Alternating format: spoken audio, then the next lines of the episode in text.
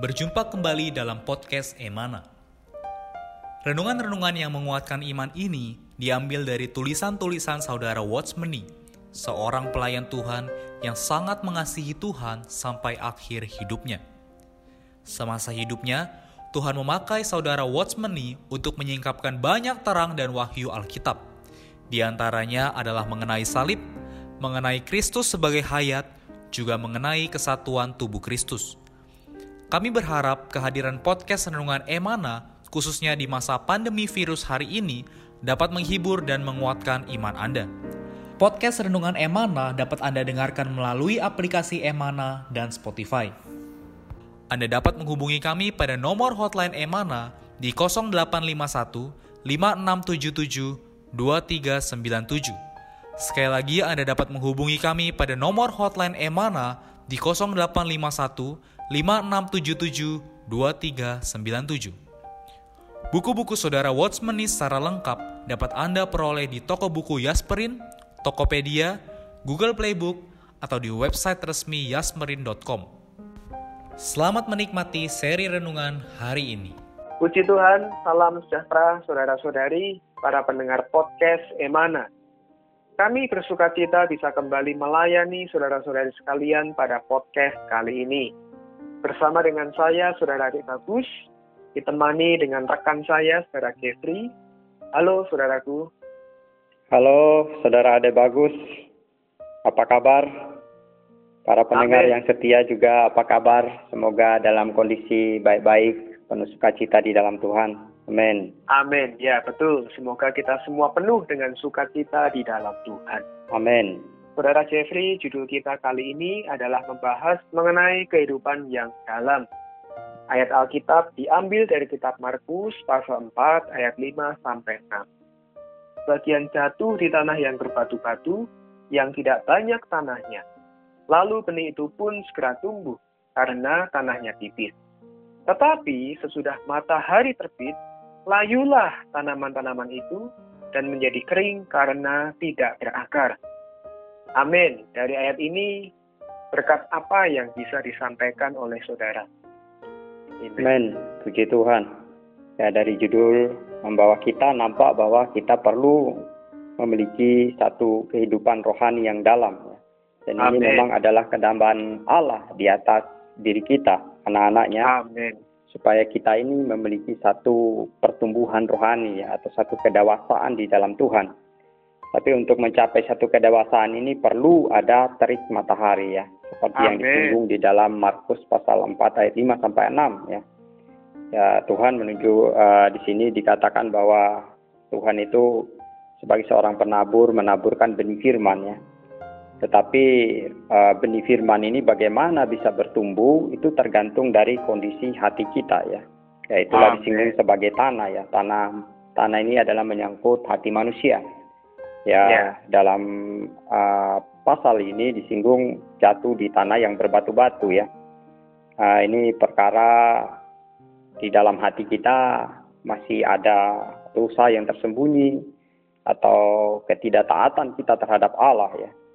Kemudian juga disinggung mengenai tanah yang tipis ya. Uh, itu menyangkut dengan kondisi kita yang cenderung emosional ya ya hidup menurut emosi ya. Yang disebut mudi ya. Bergantung yeah. pada situasi di luaran ya. Mudah mudah senang mudah menjadi murung dan sebagainya ya. Kemudian semua ini teruji melalui apa? Melalui matahari ya. Amin.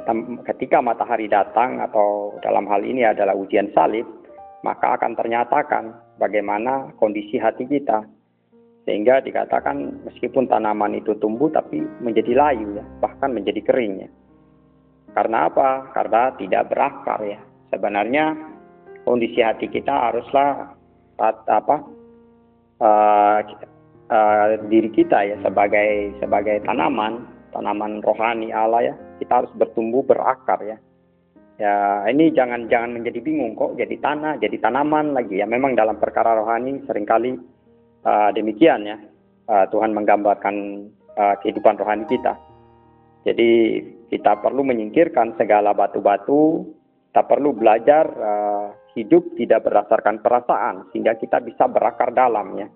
Dan ketika Amen. matahari atau ujian datang bukan membuat kita menjadi layu ya, tetapi membuat kita makin kokoh, makin bertumbuh ya, menjadi solid dan kuat. Amen. Amin. Benar. Sangat baik ya. Tadi Saudara Jeffrey mengatakan bahwa kedambaan Allah di atas diri kita sebagai umatnya adalah supaya kita ini mempunyai satu kehidupan yang dalam. Kehidupan yang berakar ke dalam. Itulah kenapa memerlukan yang namanya terik matahari. Nah, kita akan melihat lebih jauh ini yang dimaksudkan terik matahari dalam Alkitab, khususnya kitab Markus ini seperti apa. Saya akan membacakan lebih lanjut dulu dari kutipan yang ada di sini, dikatakan demikian. Saudara-saudari, kalau kita tidak memiliki terang, kita tidak akan tahu betapa dangkalnya diri kita. Kalau tidak ada terik matahari, kita tidak akan mengerti mengapa orang yang bertumbuh paling cepat juga akan kering paling cepat. Kita sering tertipu oleh diri sendiri, sering merasa puas diri, kita puas akan keadaan rohani kita, kita merasa diri kita luar biasa. Ternyata begitu matahari terbit, kita pun layu. Mengapa Allah membiarkan matahari menyinari kita, membiarkan kesulitan menimpa kita? Saudara-saudari, ketahuilah, ini adalah penyataan kasih Tuhan yang paling tinggi. Ini adalah salib Oh, tidak ada satu perkara yang memelihara hayat kita lebih baik daripada salib. Juga tidak ada satu ujian yang lebih baik daripada salib. Amin. Saudara Jeffrey, kalau kita melihat kutipan ini ya, ternyata trik matahari yang dimaksudkan di sini adalah salib ya. Amen. Dan salib adalah satu penyataan kasih dari Tuhan yang paling tinggi. Mungkin bisa dijelaskan lebih detail lagi, saudara? Ya, puji Tuhan ya uh, terik matahari ini adalah berkaitan dengan salib dan salib ini adalah pernyataan kasih Allah yang paling tinggi ya. Amen. Kita melihat pertama-tama melalui pekerjaan penebusan Kristus ya di atas kayu salib itu adalah bukti kasih Allah yang uh, paling tinggi ya uh, terhadap manusia ya. Uh, nah, cuma kebanyakan dari kita kita hanya nampak di dalam uh, ketika pertama kali beroleh selamat ya. Kita tidak tidak begitu nampak untuk berjalan maju, bertumbuh dewasa atau memiliki pengalaman yang dalam, kita juga masih tetap memerlukan salib ya. Yeah. ya jadi perlu kita rubah dulu cara berpikir kita ya. Jadi kita yeah. jangan berpikir bahwa salib itu adalah sesuatu yang negatif ya. Di sini kita nampak bahwa salib itu adalah perkara yang paling positif yang Allah kerjakan di atas diri kita supaya kita ini bisa bertumbuh dewasa ya. Ya, mengapa kita perlu terik matahari atau salib ini ya? Karena tadi bagus kutipannya dikatakan kita sering tertipu oleh diri sendiri. Ah. Ya. Jadi sebenarnya kita bukan banyak tertipu oleh situasi uh, oleh orang lain ya. Kita nggak ditipu oleh siapa pun. Kita sering tertipu oleh diri sendiri ya. Sering merasa puas diri. Ya ini juga berkaitan dengan kesombongan. Kita puas akan keadaan rohani kita. Kita merasa diri kita luar biasa. Ternyata begitu matahari terbit kita pun layu. Ya. Amin. Ya, kita bersyukur ya di dalam pengalaman kita saya percaya tidak ada satupun ya anak Tuhan yang tidak pernah mengalami kegagalan. Pasti di dalam tahap pertumbuhannya ada kegagalan ya. Itulah uh, supaya kita apa? Supaya kita nampak diri kita sendiri ya melalui uh, tarik matahari atau ujian salib ya itu menyingkapkan kondisi rohani kita ya di yeah. dalam Alkitab kita uh, kita tahu satu rasul yang juga terkenal dipakai oleh Tuhan adalah Rasul Petrus ya. Dari karakternya ini kan ketika dia mendengar firman Tuhan dia paling cepat berespon ya. Ya, kita ingat waktu Tuhan mau uh, disalibkan ya, dia mengatakan, "Wah, meskipun semua meninggalkan engkau, aku tetap." Wah. Sepertinya luar biasa ya, tetapi ketika ujian datang, wah, dia mengalami satu kegagalan yang boleh dibilang cukup fatal ya, menyangkal dan juga bahkan mengutuk diri sendiri tidak mengenal Tuhan ya. Yeah. Tapi justru di dalam tahap inilah ya sebenarnya Rasul Petrus itu mendapat terang yang begitu dalam ya. Uh, dia nampak memang benar-benar dirinya wah tidak bisa diandalkan ya, dia menyesal ya. Uh, dia menangis ya. Kita sampai mendapatkan ketika kita diterangi ya, kita mencapai tahap ini ya, saudara ya dalam pengalaman kita, kita akan menangis ya betapa kita ini benar-benar tidak dapat diandalkan di hadapan Tuhan. Kita benar-benar yeah. hanya mohon belas kasih Tuhan. Ya. Itulah sebabnya ya, setelah melalui situasi ini kita ingat ketika Tuhan datang ya. Bahkan dia sempat gagal lagi uh, berikutnya mengajak murid-murid nangkap ikan ya. Uh, dia mulai ragu ya untuk mengikuti Tuhan ya. Tapi Tuhan ya dengan kasihnya datang lagi menguatkan Petrus ya. Sampai Tuhan bertanya berapa kali ya, tiga kali ya, apakah engkau mengasihi aku ya. Dia menjawab tidak lagi seperti dulu di awal-awal begitu percaya diri ya. Dia banyak jawab dengan uh, sampai dia menangis ya. Nah ini menunjukkan bahwa orang yang benar-benar sudah mendapatkan terang Allah. Sampai kita Amen. tahu di akhir hidupnya dia adalah juga rasul yang solid ya sampai dia mati martir. Ya jadi pekerjaan salib di atas diri kita, ya saya sendiri pun masih belajar ya. Saya belum lama juga melayani Tuhan. Uh, ini juga adalah satu pembelajaran yang penting uh, bagi saya di dalam melayani Tuhan ya. Jadi memang pembelajaran salib ini sangat penting untuk membawa kita, saya maupun saudari yang mendengar bisa lebih dalam uh, bertumbuh di dalam Tuhan sehingga uh, tidak hanya bagi diri kita sendiri tapi kita juga bisa apa membantu saudari yang lain, membantu uh, orang lain untuk bisa maju bersama di dalam Tuhan ya. Amin. Amin. Amin. Baik. Saya akan melanjutkan membacakan kutipan yang kedua. Dikatakan demikian. Saudara-saudari, telah mendengarkan satu berita firman, kita tidak boleh menganggap sudah mendapatkannya. Allah harus menciptakan situasi yang dibutuhkan firman ini untuk menguji apakah Anda benar-benar sudah menerima atau hanya di luaran menerima. Yeah. Allah harus menciptakan satu situasi untuk memberitahu Anda bahwa tidak ada ajaran Alkitab yang bisa diperoleh tanpa mengeluarkan harga. Amen. Kalau tadi kita telah melihat saudari untuk mempunyai kehidupan yang dalam, kita perlu sinar matahari yang adalah salib. Kali Amen. ini kita perlu melihat bahwa firman yang kita terima itu perlu mengalami satu ujian ya, Saudara Jeffrey ya.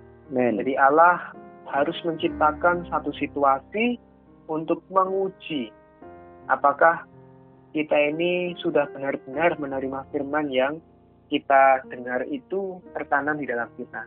Hmm. Nah, kira-kira satu situasi, satu ujian yang seperti apa yang ada kalanya Tuhan berikan kepada kita. Dan mungkin bisa sedikit memberikan tips ya bagaimana kita bisa melewati satu pengujian yang Tuhan berikan itu. Sehingga firman Tuhan benar-benar menjadi milik kita. Amin. Amin. Ya, dari cuplikan kalimat terakhir ya dikatakan Allah harus menciptakan satu situasi untuk memberitahu Anda bahwa tidak ada ajaran Alkitab yang bisa diperoleh tanpa mengeluarkan harga. Nah, ini adalah berkaitan dengan ujian ya, bahwa kita memang harus mengalami ujian, mengalami banyak situasi bahkan secara luaran sepertinya rugi ya. Uh, yaitu disebut mengeluarkan harga ya, baik tenaga, memang harta, segala baik juga mungkin masa depan kita ya. Tetapi ini sasarannya supaya kita mendapatkan perkara yang berharga ya, yaitu firman Allah yang adalah diri Allah sendiri benar-benar uh, terukir ya ke dalam manusia batiniah kita ya. Ya, si Tuhan. Jadi uh, situasi seperti apa ya demikian ya. Uh, Tuhan meminta di atas diri kita yang paling utama ya. Ada seorang saudari yang mengasihi Tuhan mengatakan mengenai pertumbuhan rohani ya. Uh, 10% itu adalah pengetahuan uh, uh, Alkitab ya. Tetapi 90% adalah perkara ketaatan. Jadi ketaatan ini lebih tinggi daripada uh, tingkat pengetahuan kita ya. Sebenarnya kalau kita taat ya pasti otomatis Tuhan akan memberi uh, mem mem memperjelas ya maksud uh, hasrat hatinya melalui firman. Tapi yang paling tinggi di atas diri kita adalah perkara ketaatan ya. Nah ini mungkin uh, saya berikan satu pengalaman ya. Seorang, uh, Saudara Watchmeni ya, pengalaman Saudara Watchmeni kita tahu bahwa dia adalah orang yang dipakai luar biasa. Uh, bahkan ada yang menjuluki dia adalah uh, Rasul Paulus di Asia ya yang kedua ya. Ada yang bilang gitu ya. Ya bukan saya berpendapat, cuma saya pernah dengar ya orang-orang yang baca ngomong demikian.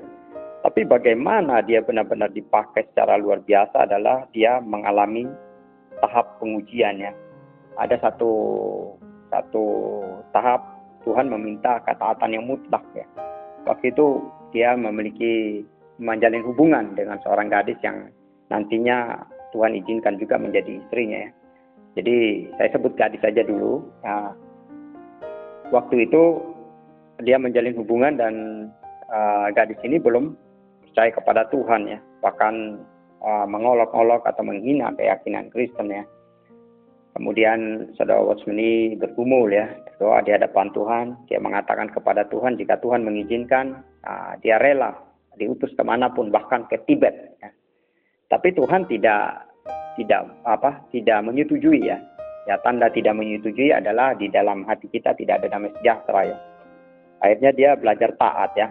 Ya kita tahu kalau orang udah jatuh cinta kan, ya saya kan udah punya istri ya. Uh, beda gitu ya. Wah, seperti di dunia ini tidak ada lagi yang dikejar gitu ya. Tapi pada waktu itu dia belajar ya menjadi taat di hadapan Tuhan ya.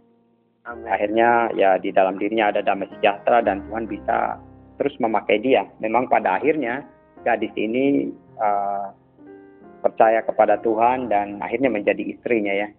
Nah ini ah. sangat manis sekali ya.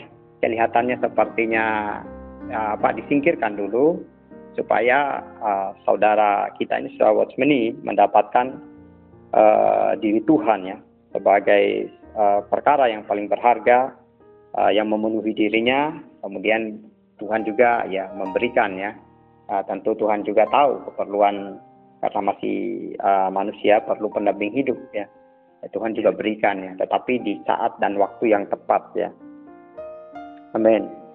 Uh, kemudian perkara lain lagi yang perlu kita ketahui adalah bahwa sering kali ketika kita mendengar firman tentang kesabaran, Allah lalu mengatur kita mengalami kesengsaraan ya. Ya, karena dalam Roma pasal 5 ayat 3 dikatakan kesengsaraan itu menimbulkan ketekunan ya. Jadi ada selalu uh, hasil yang positif ya dari kesengsaraan membawa kita tekun. Kemudian lagi Tuhan uh, di dalam Ibrani ya tadi yang saya singgung mengenai ketaatan ya. Uh, Tuhan membiarkan kita mengalami penderitaan supaya kita belajar apa? Kita belajar menjadi taat dari apa yang telah dideritanya itu Ibrani pasal 5 ayat 6 ya. Kemudian uh, kita juga di, di apa ketika kita mendengar firman mengenai kelemah lembutan Allah juga mengizinkan kita ya bertemu ya. dengan orang-orang yang membuat kita ini terangsang ya untuk emosi atau segala macam tidak sabar. Supaya kita belajar apa? Kita belajar ramah terhadap semua orang ya. 2 Timotius 2 24 dikatakan harus ramah terhadap semua orang kemudian juga terhadap firman yang mengatakan bahwa kita harus percaya ya Uh, maka Tuhan mengatur situasi yang kelihatannya ketika kita sudah berdoa padahal sudah seturut kehendak Allah tetapi sepertinya uh, ya belum terkabulkan gitu ya. Tapi di Roma 8 ayat uh, Roma pasal 4 ayat 20 dikatakan terhadap janji Allah ya ini kisah Abraham ya, tidak bimbang karena ketidakpercayaan malah diperkuat dalam imannya dan memuliakan Allah. Jadi semuanya ada uh, hal positif di dalam situasi yang kita alami. Nah, terakhir adalah bagaimana kita bisa melewati semua situasi ini adalah jangan lupa kita harus berakar. Inilah kuncinya. Berakar Amin. artinya ketika mengalami situasi apa kita harus memiliki penghidupan yang tersembunyi. Kita bersekutu dengan Tuhan, berbicara dengan Dia ya. Nah, melalui demikian kita mendapatkan suplai anugerah yang kaya sehingga kita bisa tahan melewati setiap situasi yang Tuhan izinkan. Amin. Amin. Baik, puji Tuhan, terima kasih Saudara Jeffrey untuk penjelasannya kali ini. Semoga memberkati para pendengar podcast Emana sekalian. Untuk menutup podcast kita di dalam kasih, Saudara Jeffrey bisa berdoa untuk kita sekalian. Amin. Amin. Tuhan Yesus, kami ya. mengucap syukur padamu ya Tuhan. Amin. Engkau mendambakan agar kami memiliki kehidupan rohani yang dalam. Agar oh. kami bisa bertumbuh dewasa di dalam dikau ya Tuhan. Amin. Sehingga tidak hanya kami sendiri uh, yang maju, tapi juga melalui kami, saudari kami yang lain juga bisa dibawa maju bersama di dalam Tuhan. Amin. Tuhan Yesus, terima kasih di dalam namamu kami berdoa. Amin. Amin. Sekian podcast Renungan Emana hari ini. Kami akan kembali pada seri berikutnya.